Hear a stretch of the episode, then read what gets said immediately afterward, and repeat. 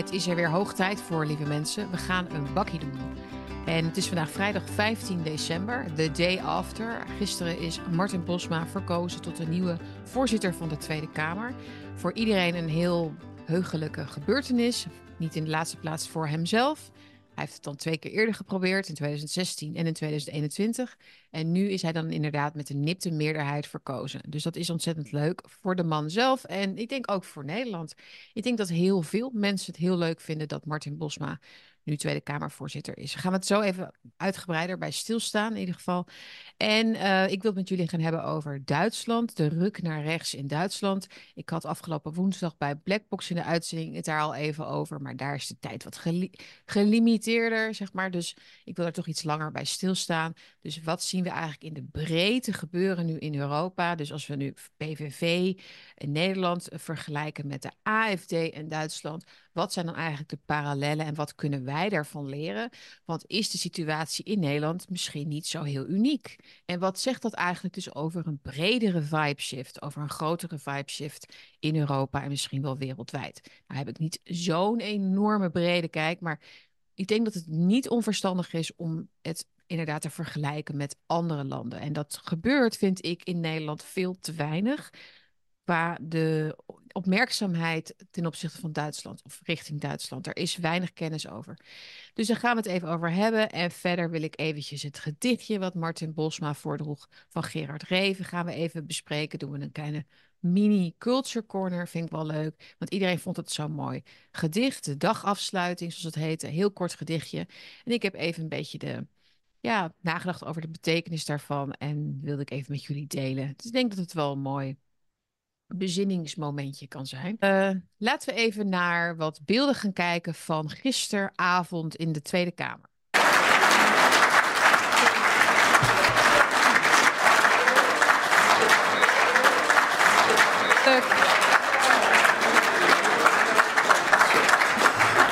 Ja, hier had ik ook niet op gerekend. Ik wil uh, mijn bescheiden overwinning opdragen aan heel veel PVV'ers die de afgelopen twintig jaar een prijs hebben moeten betalen voor het feit dat ze PVV'er zijn. Ze zijn ontslagen, hebben problemen gekregen op hun werk, kregen de promotie niet, hun kinderen niet opgesteld bij, de sport soms. Er zijn hele vervelende verhalen van uh, bekend. Mijn overwinning wil ik graag aan hun opdragen, maar er is niemand die een grotere prijs heeft betaald voor zijn idealen. Dat is Geert Wilders. En ik wil hem bedanken voor alles wat hij de afgelopen twintig jaar voor ons heeft gedaan. Ik wil iedereen bedanken die op mij gestemd heeft. Mensen die niet op mij gestemd hebben, zullen dat nog merken bij de verdeling van de spreektijden. Nee, geintje, geintje.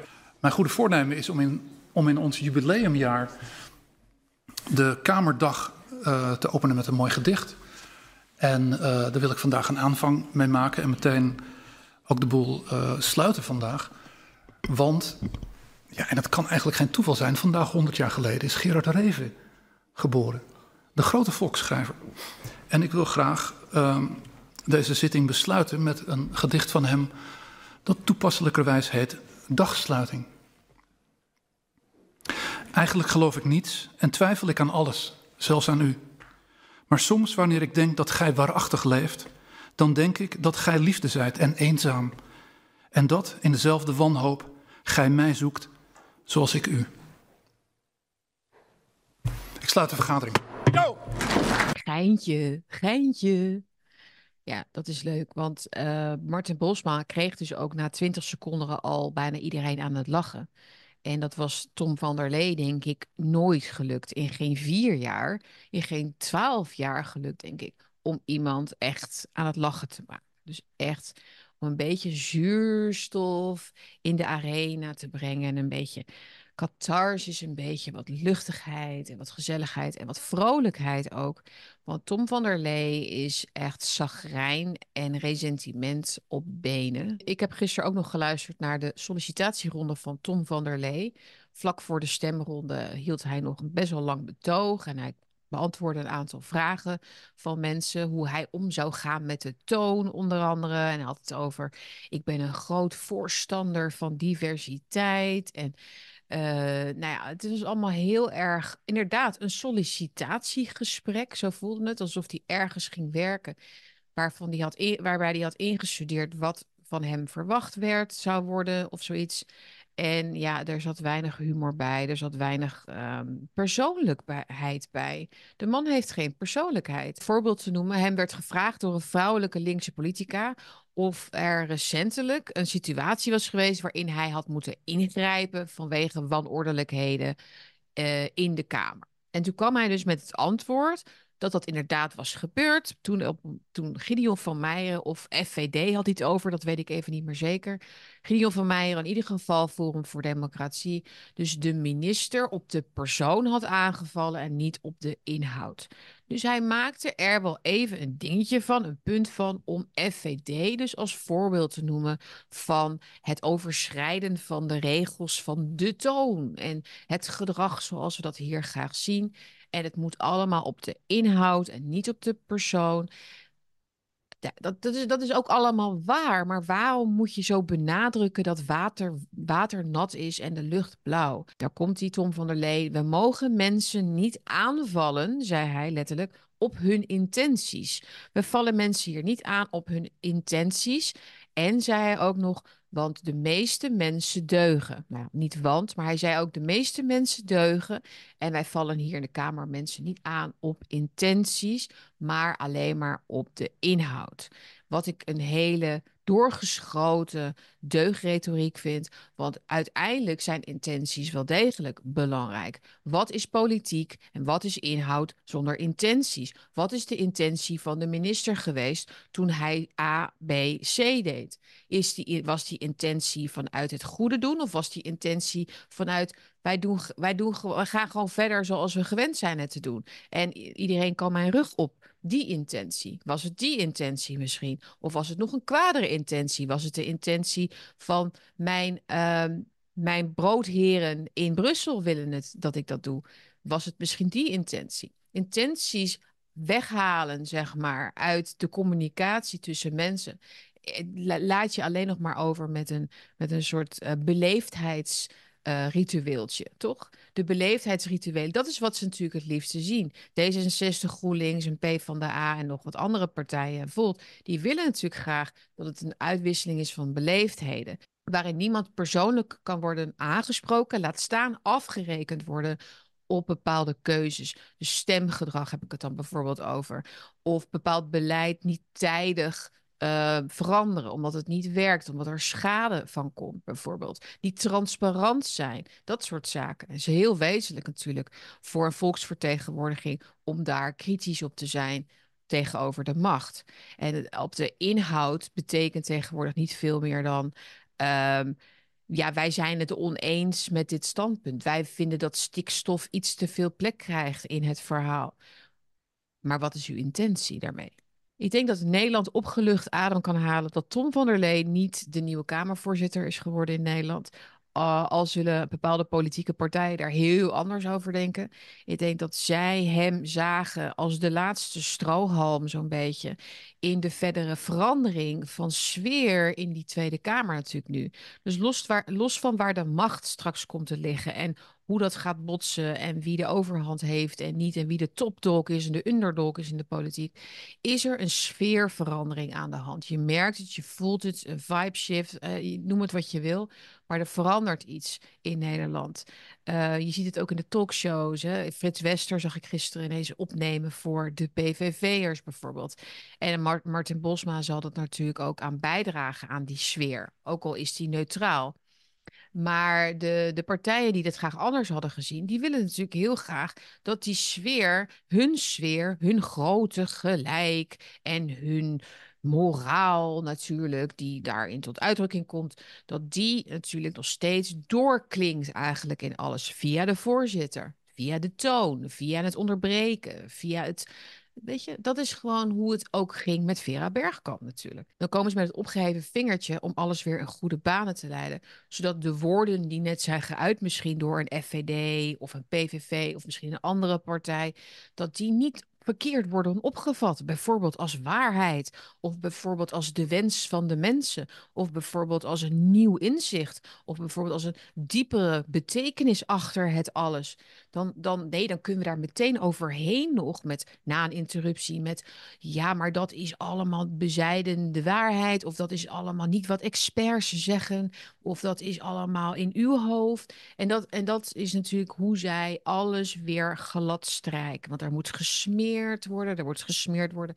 En dat, heet, dat noemen we dan debat en dat noemen we dan politieke strijd. Maar het is smeren, smeren. Want alleen in een land waar gesmeerd wordt, kan links nog verder met hun plannen. Je merkt heel erg aan die partijen die normaal gesproken eigenlijk het hoogste woord mogen voeren en altijd het groot en gelijk mogen uitdragen natuurlijk, dat zij nu tweede viool spelen. Dat zij nu in ieder geval een beetje pas op de plaats moeten nemen, een beetje een afwachtende houding misschien moeten innemen en niet zo hoog van de toren moeten blazen. Maar dat hebben ze nog nooit hoeven doen in feite. Of ze nou in de Kamer zaten of in de regering. Het was altijd wel zo dat zij bepaalden wat de moraal was. Wat de mores was in het land. Hoe jij een fatsoenlijk politicus moest zijn. En dat idee wordt natuurlijk heel erg vertolkt door iemand als Frans Timmermans. En belichaamd ook trouwens. Er is altijd een grotere missie, een grotere opgave waar al het andere voor moet wijken. Een nieuw idee, een nieuwe gedachte, een nieuwe werkelijkheid? Nee. We hebben een taak. We moeten samen de toekomst enzovoort. Het is zo uh, sleets geworden en zo opgebruikt eigenlijk. Het is, het is versleten, letterlijk versleten. Versleten taal, versleten politiek.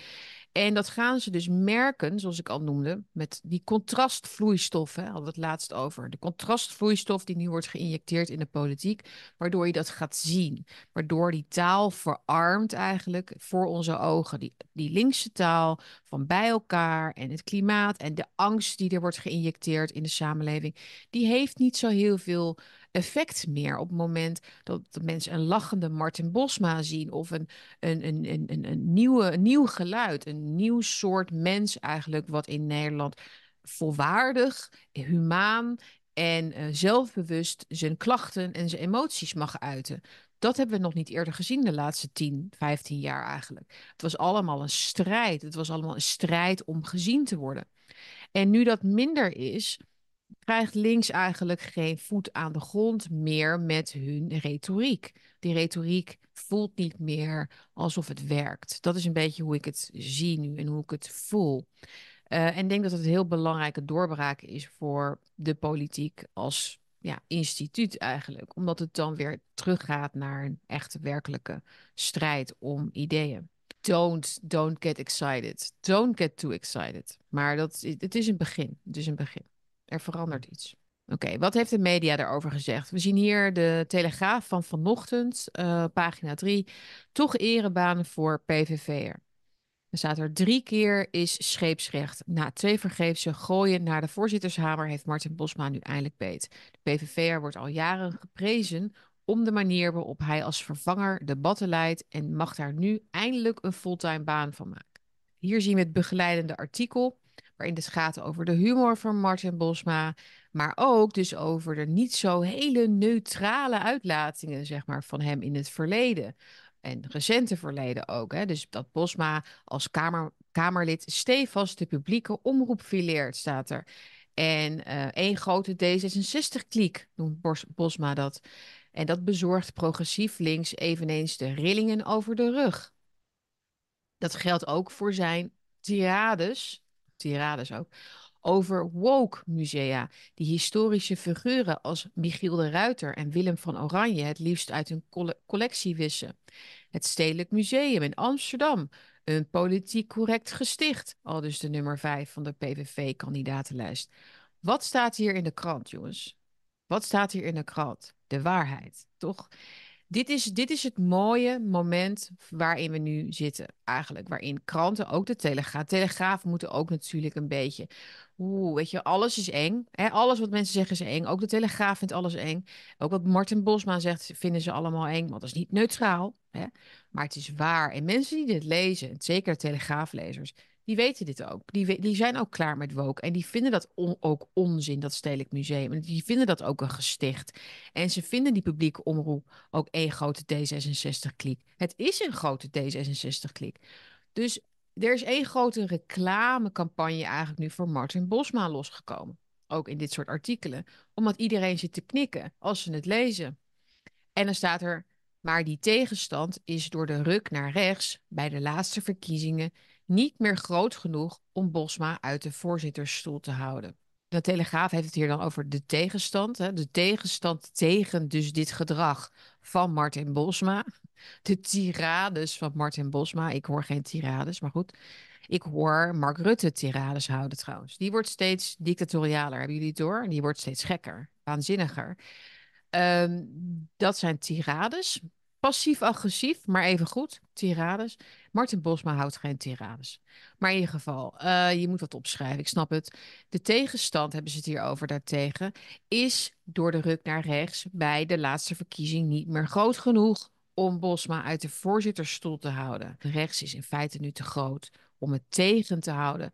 En dat is een feit. Misschien is het ook wel een mooi moment om even alle mensen die zeiden: ga niet stemmen, want het heeft geen zin, eventjes een kleine reality check te geven. Hoe kijken jullie daar nu op terug? Stemmen heeft geen zin. We hebben het al vaker hier gehad in Bakje over het verschil tussen strategisch stemmen en stemmen op de partij waar je echt in gelooft. En wat doe je nou bijvoorbeeld als je nergens in gelooft in de politiek? Moet je dan even goed stemmen? Het zijn allemaal dingen waar we het heel lang over kunnen hebben. Maar het is wel zo dat de stem op rechts, op de PVV, ervoor heeft gezorgd dat er iets gebeurt in Nederland. En dat er dus nu een PVV-voorzitter is in de Tweede Kamer. Dat kun je niet ontkennen.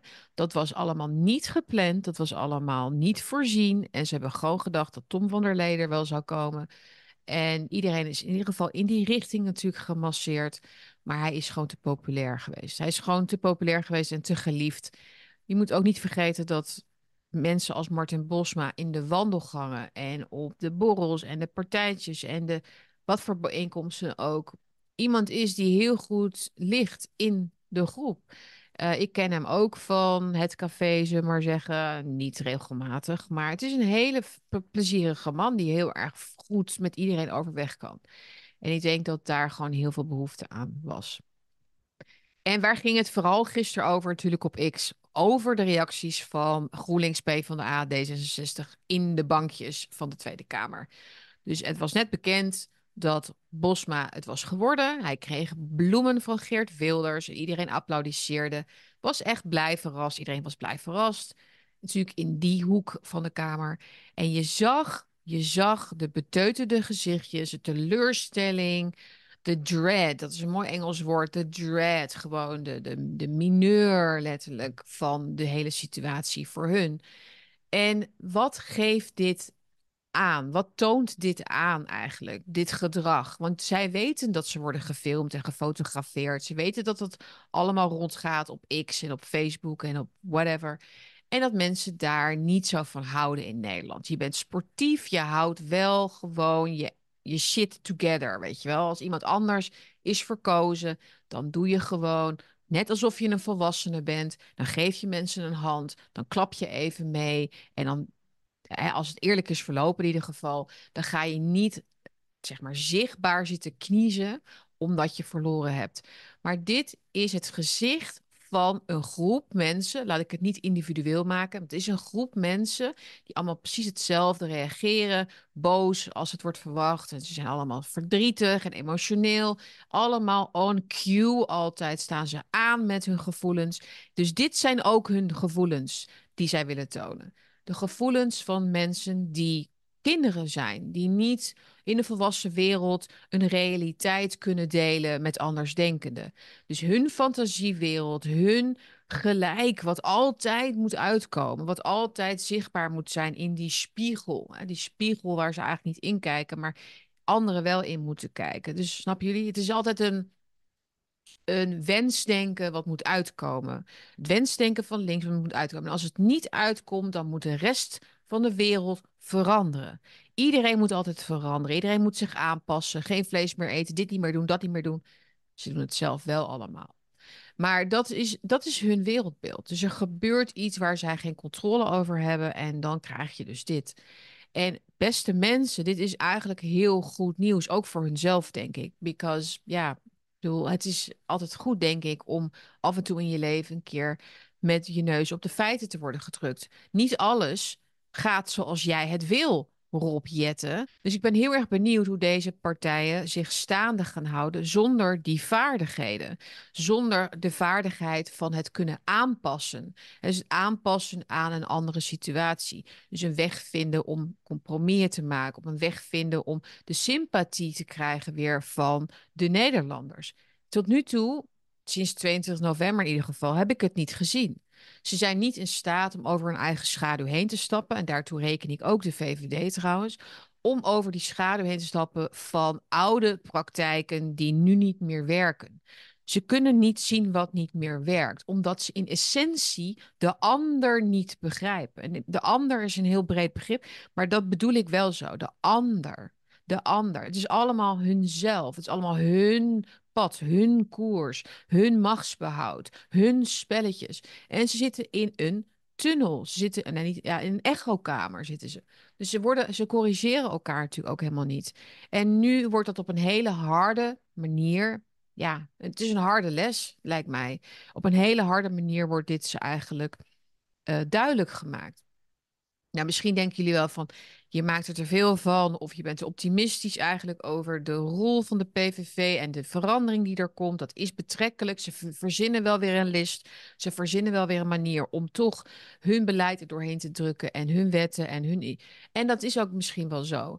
Maar je hebt altijd de parallel daaraan heb je het tweede spoor. Je hebt het politieke spoor, je hebt het tweede spoor, de samenleving zelf. En die klinkt toch uiteindelijk door. Die realiteit is te groot, te sterk, denk ik, om tegen, om het, om het te blijven verliezen eigenlijk van die politieke taal. En ik noem het taal, want het is het voornamelijk voor 80 procent. Het is smeren, wat ik al zei. En dus uiteindelijk is de realiteit uh, een natuurkundig bijna, een natuurkundige wet. Dat kan je niet tegenhouden dus met um, hoopvolle, hoopvolle linkse retoriek over whatever. Zeker niet met Frans Timmermans, toch? Hoe uitgespeeld is Frans Timmermans? Zelfs al zou die er dus met zo'n grijparm zo door Rutte worden neergezet in het torentje. Want zo stel ik me dat al voor. Jij gaat daar nu zitten, want wij kunnen ons PVV-leiderschap niet permitteren of wat dan ook. Zelfs als dat zou gebeuren, dan zou niemand dat zien als een legitieme minister-president. Dat geloof ik echt niet. Er is nu al te veel gebeurd. Het, het, kaarsje is uit, het vuurtje is uit, het is gedoofd, linkse geluid is over. De hippie-tijd is gewoon over. Oké, voordat we naar de dagsluiting gaan van dit bakkie met Bergsma, uh, met de dagsluiting dus van Gerard Reven, zoals dat zo mooi werd voorgedragen gisteren door Martin Bosma, wil ik met jullie nog even naar Duitsland. Want we kunnen het niet hebben over de PVV en de ruk naar rechts en de veranderingen die we zien, zonder ook de ontwikkelingen in Duitsland eventjes erbij te pakken en te vergelijken. Wat is de PVV nou in Nederland iets? Wat, wat zien we nu eigenlijk?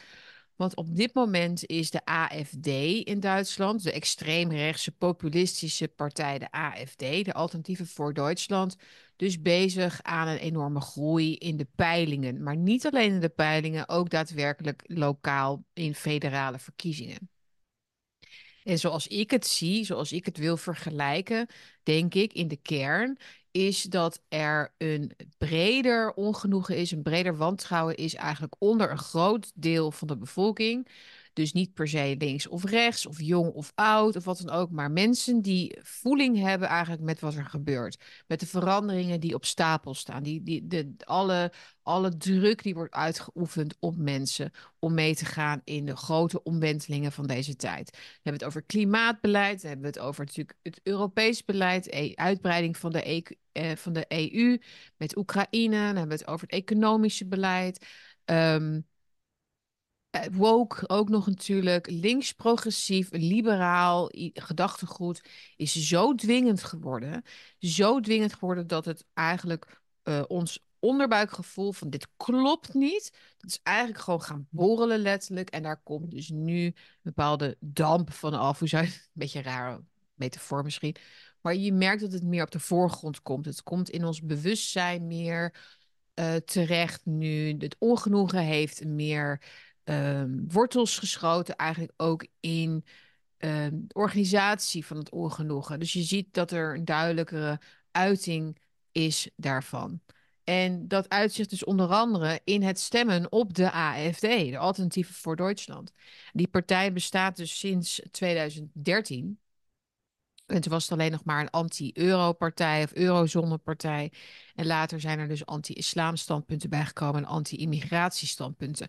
Heel belangrijk onderwerp voor Duitsers. Hè? Want in Duitsland zijn uh, miljoenen nieuwkomers uh, erbij gekomen sinds 2015. Toen Merkel de grenzen openzette en zei: Weer schaffen das. Nou, weer schaffen das dus niet. Ja, dus is, er is heel veel criminaliteit. Er lopen nu ongeveer 300.000 illegale uh, immigranten, asielzoekers in Duitsland.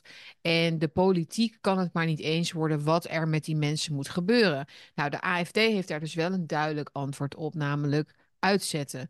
dus illegale uh, asielzoekers uitzetten en echte vluchtelingen en zo. Dat, dat, dat, dat is helemaal niet hun punt. Maar het gaat dus wel echt over die illegaliteit, de criminaliteit ook. En natuurlijk de aanvoer die gewoon te groot blijft. En die moet gewoon stoppen. Nou, precies wat de PVV eigenlijk ook zegt.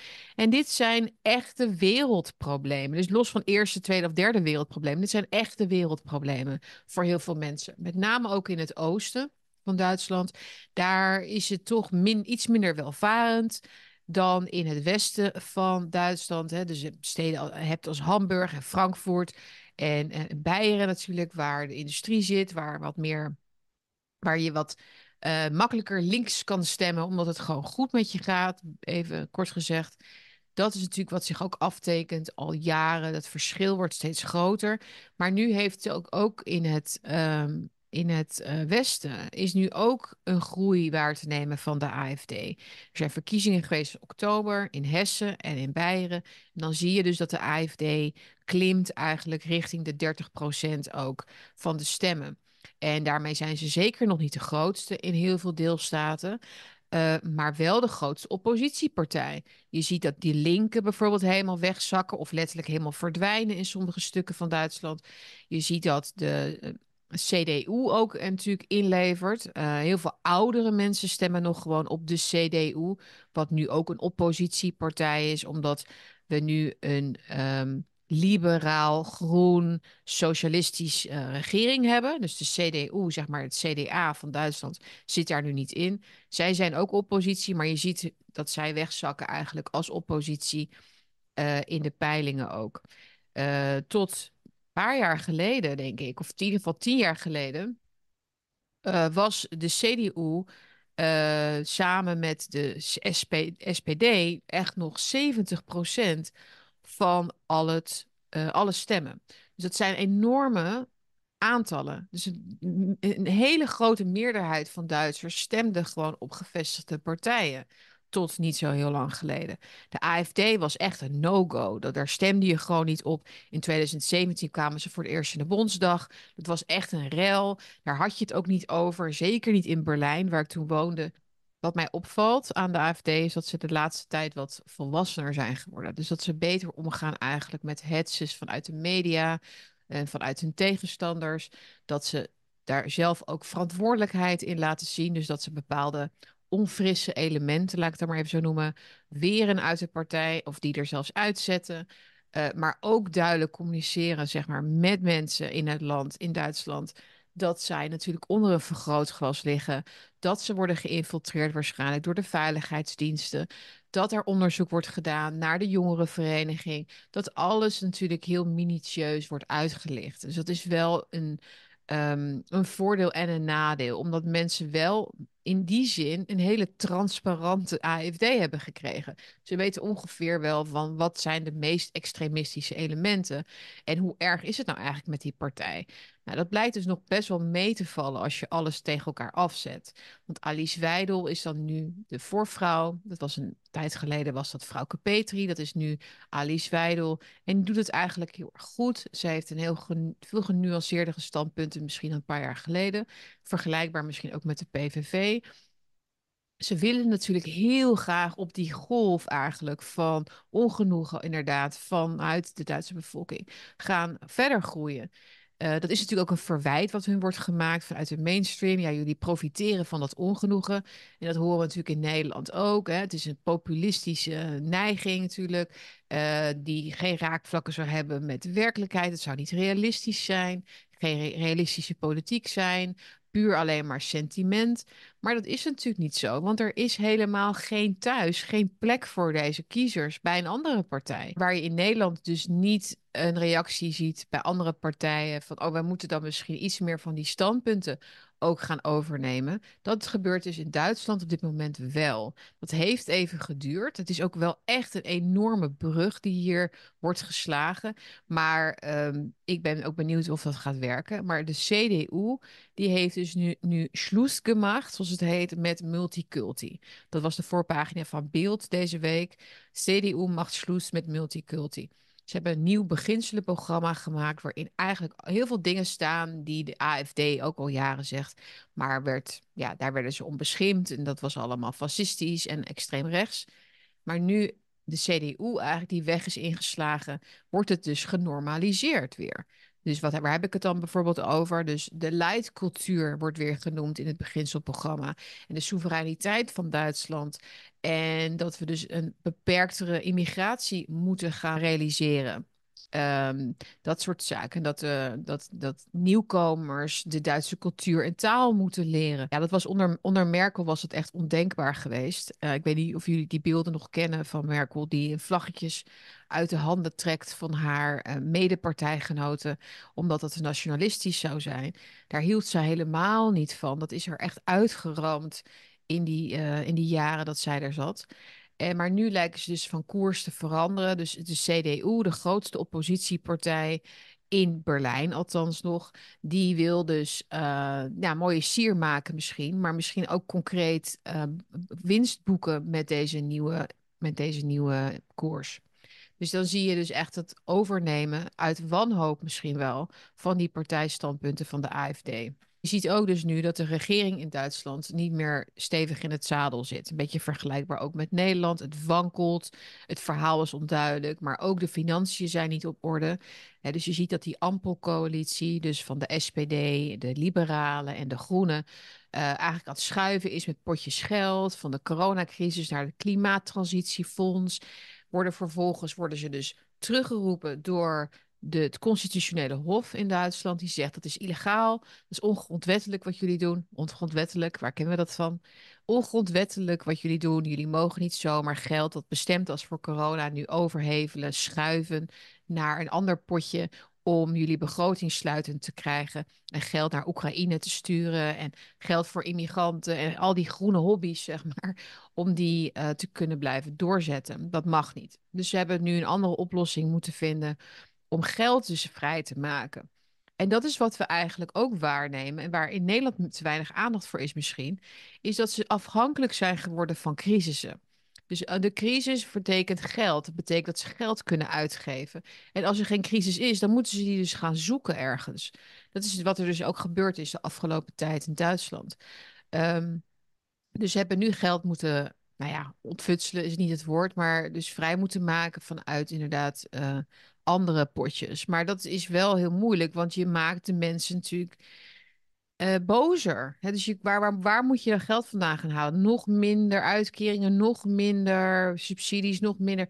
Op een gegeven moment houdt het natuurlijk op. En nu waarschijnlijk um, gaan de benzineprijzen dus weer omhoog in Duitsland. Dus dat gaat zeker ook weer leiden tot een verrechtsing, een verruwing enzovoort van het politieke sentiment op dit moment.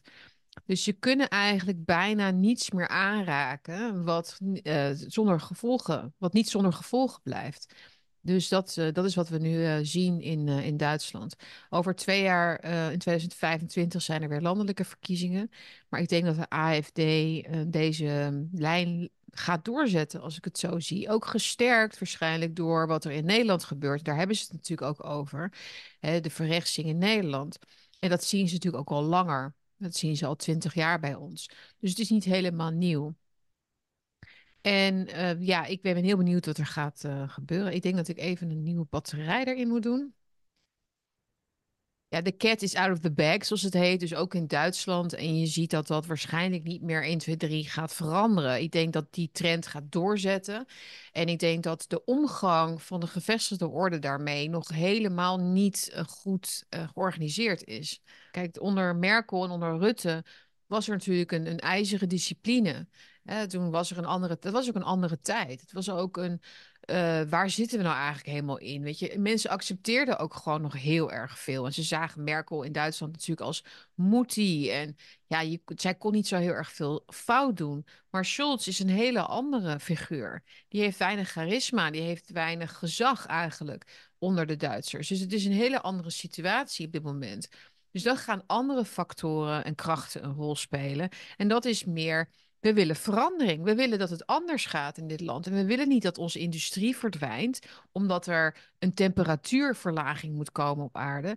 En de Oost-Duitsers, vergeet niet de Oost-Duitsers, die zijn natuurlijk ook, uh, althans de ouderen dan, bekend met hoe het kan ontsporen als een bepaalde regering te lang aan de macht is. En wat er gebeurt als er dictatoriale neigingen komen binnen de regering, zoals dat is gebeurd tijdens corona. Dus eigenlijk, en voor, heel, eh, veel Oost-Duitsers ziet dat klimaatbeleid er natuurlijk precies zo uit als de DDR-tijd. Dus dat is helemaal niet heel moeilijk voor hun om die puzzelstukjes te leggen. En daarom stemmen zij ook al langer op de AFD. Ik denk dat we hier in 2024 nog veel meer over gaan horen. In ieder geval bij Bakkie. Dus uh, stay tuned. Um, zo, dat was weer even genoeg politiek voor deze week. Althans, wel voor mij. Het was weer een pittig weekje, een druk weekje, maar ook heel leuk. Um, dus ik ga even lekker ontspannen dit weekend. Ik hoop dat jullie ook leuke plannen op het programma hebben staan. Maar laat ik dan even in de geest van Gerard Reven en, uh, en Martin Bosma dus de dagsluiting doen. Dus de dagsluiting met het gedicht van Gerard Reven weer. Want um, hij ging heel snel voorbij, maar het is een, een prachtig gedicht eigenlijk hè, over uh, zoals ik vond, zijn persoonlijke relatie die Greven had met het geloof en met God dus. Uh, en uh, dat dat gericht was op een puur innerlijke beleving.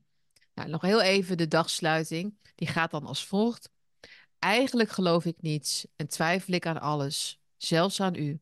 Maar soms, wanneer ik denk dat gij waarachtig leeft, dan denk ik dat gij liefde zijt en eenzaam. En dat in dezelfde wanhoop gij mij zoekt zoals ik u. Dat komt uit nader tot u. Um, ja, wat vond ik daarover? Um, de dichter wil hier kennelijk loskomen van de traditionele betekenis van geloven die samenhangt met alles wat men godsdienst noemt. Dat houdt in het aanvaarden van externe, objectiveerbare geloofswaarheden. Het geloof dat de dichter zoekt is meer persoonlijk en gericht op een puur innerlijke beleving. Het laat ook twijfel toe door te stellen dat hij niets zeker weet. Zijn vertrek vanuit het nulpunt van het niet weten kan hem meer inzicht bieden in wat hij wanhopig aan het zoeken is. Het blijkt in wezen een zoeken naar een geliefde die zijn diepste verlangen totaal kan vervullen. Door het besef dat God liefde is, vindt er in de laatste versregels een opvallende overeenkomst plaats. De dichter kent aan zichzelf en aan de God die hij toespreekt soortgelijke gevoelens toe, namelijk eenzaamheid en wanhopig zoeken. Zo ziet hij zijn eigen gemoedstoestand in de God die hij toespreekt weerspiegeld en kan hij hem als een menselijke en daarom beminnenswaardige God ervaren. Het is misschien wel de herframe, zeg ik even mijn eigen woorden, de herframe van God, om hem te laten bestaan. Het heeft iets moois, vind ik. Het, ik kan het niet, of ik vind het moeilijk om te geloven, of ik ken u niet, of u laat zich niet zien. Maar misschien moet ik hem omdraaien. Misschien, misschien is God ook wel op zoek naar ons. En dan wordt het ineens een heel ander verhaal. Dan heb je veel meer geduld met die God, of dan begrijp je die God ook beter. En dan bestaat hij. Dat is zo mooi hieraan. Dat vind ik heel mooi. Dus het is een mooie herframe inderdaad van um, de God als geloofswaarheid, als dogma, inderdaad, naar in ja, meer een persoonlijke God. Een God die zich uh, misschien ook op een andere manier um, laat kennen door zijn eigen onzekerheden of iets dergelijks. Wat natuurlijk inderdaad een tegenstelling is, of uh, wat niet zou kunnen met een volmaakte God. Maar het helpt je wel beter om te geloven. En uiteindelijk mag dat natuurlijk ook met een olifantenpaadje of iets dergelijks. Wat Reven natuurlijk ook altijd deed. Dus dat vond ik een mooi gedicht en mooi uitgekozen van Martin Bosma. Eh, want die kant heeft hij ook, die gevoelige kant, hè, als Kamervoorzitter, als mens, zoals ik hem ook af en toe wel heb meegemaakt en heb gesproken. Echt een menselijk mens en uh, ook grappig. Dus ik denk dat we een hele leuke tijd gaan krijgen in de Tweede Kamer. Althans, wij als kijkers naar binnen. Uh, en ik denk dat ik vaker debatten zal gaan volgen om die reden. Dat had ik denk ik niet gedaan als Tom van der Leed was geworden of iemand anders. Dus dat biedt weer allemaal uh, ja, leuke nieuwe kansen, denk ik, om, uh, ja, om de politiek misschien met iets meer interesse te gaan volgen. Om daar iets meer uh, weer in te gaan duiken. De weerstand is iets minder groot bij mij nu dan misschien eerder. Dus ja, ik denk dat het een mooi jaar gaat worden, jongens. voordat ik helemaal ga afsluiten. Um, ja, volgende week, dus woensdag om half acht. Ja, ik moet dus even inbreken, want het is niet op woensdag 20 december. Het is op donderdag 21 december, Sietske. Je hebt het verkeerd gezegd. De datum is alweer veranderd inmiddels, want donderdag kan beter uit. Dan gaan we de live Q&A doen uh, met de crowdfund. Dus uh, ik heb het al even uitgelegd, dus je kunt daar aan meedoen. Je kan ook gewoon meekijken in de chat of gewoon passief, mag ook.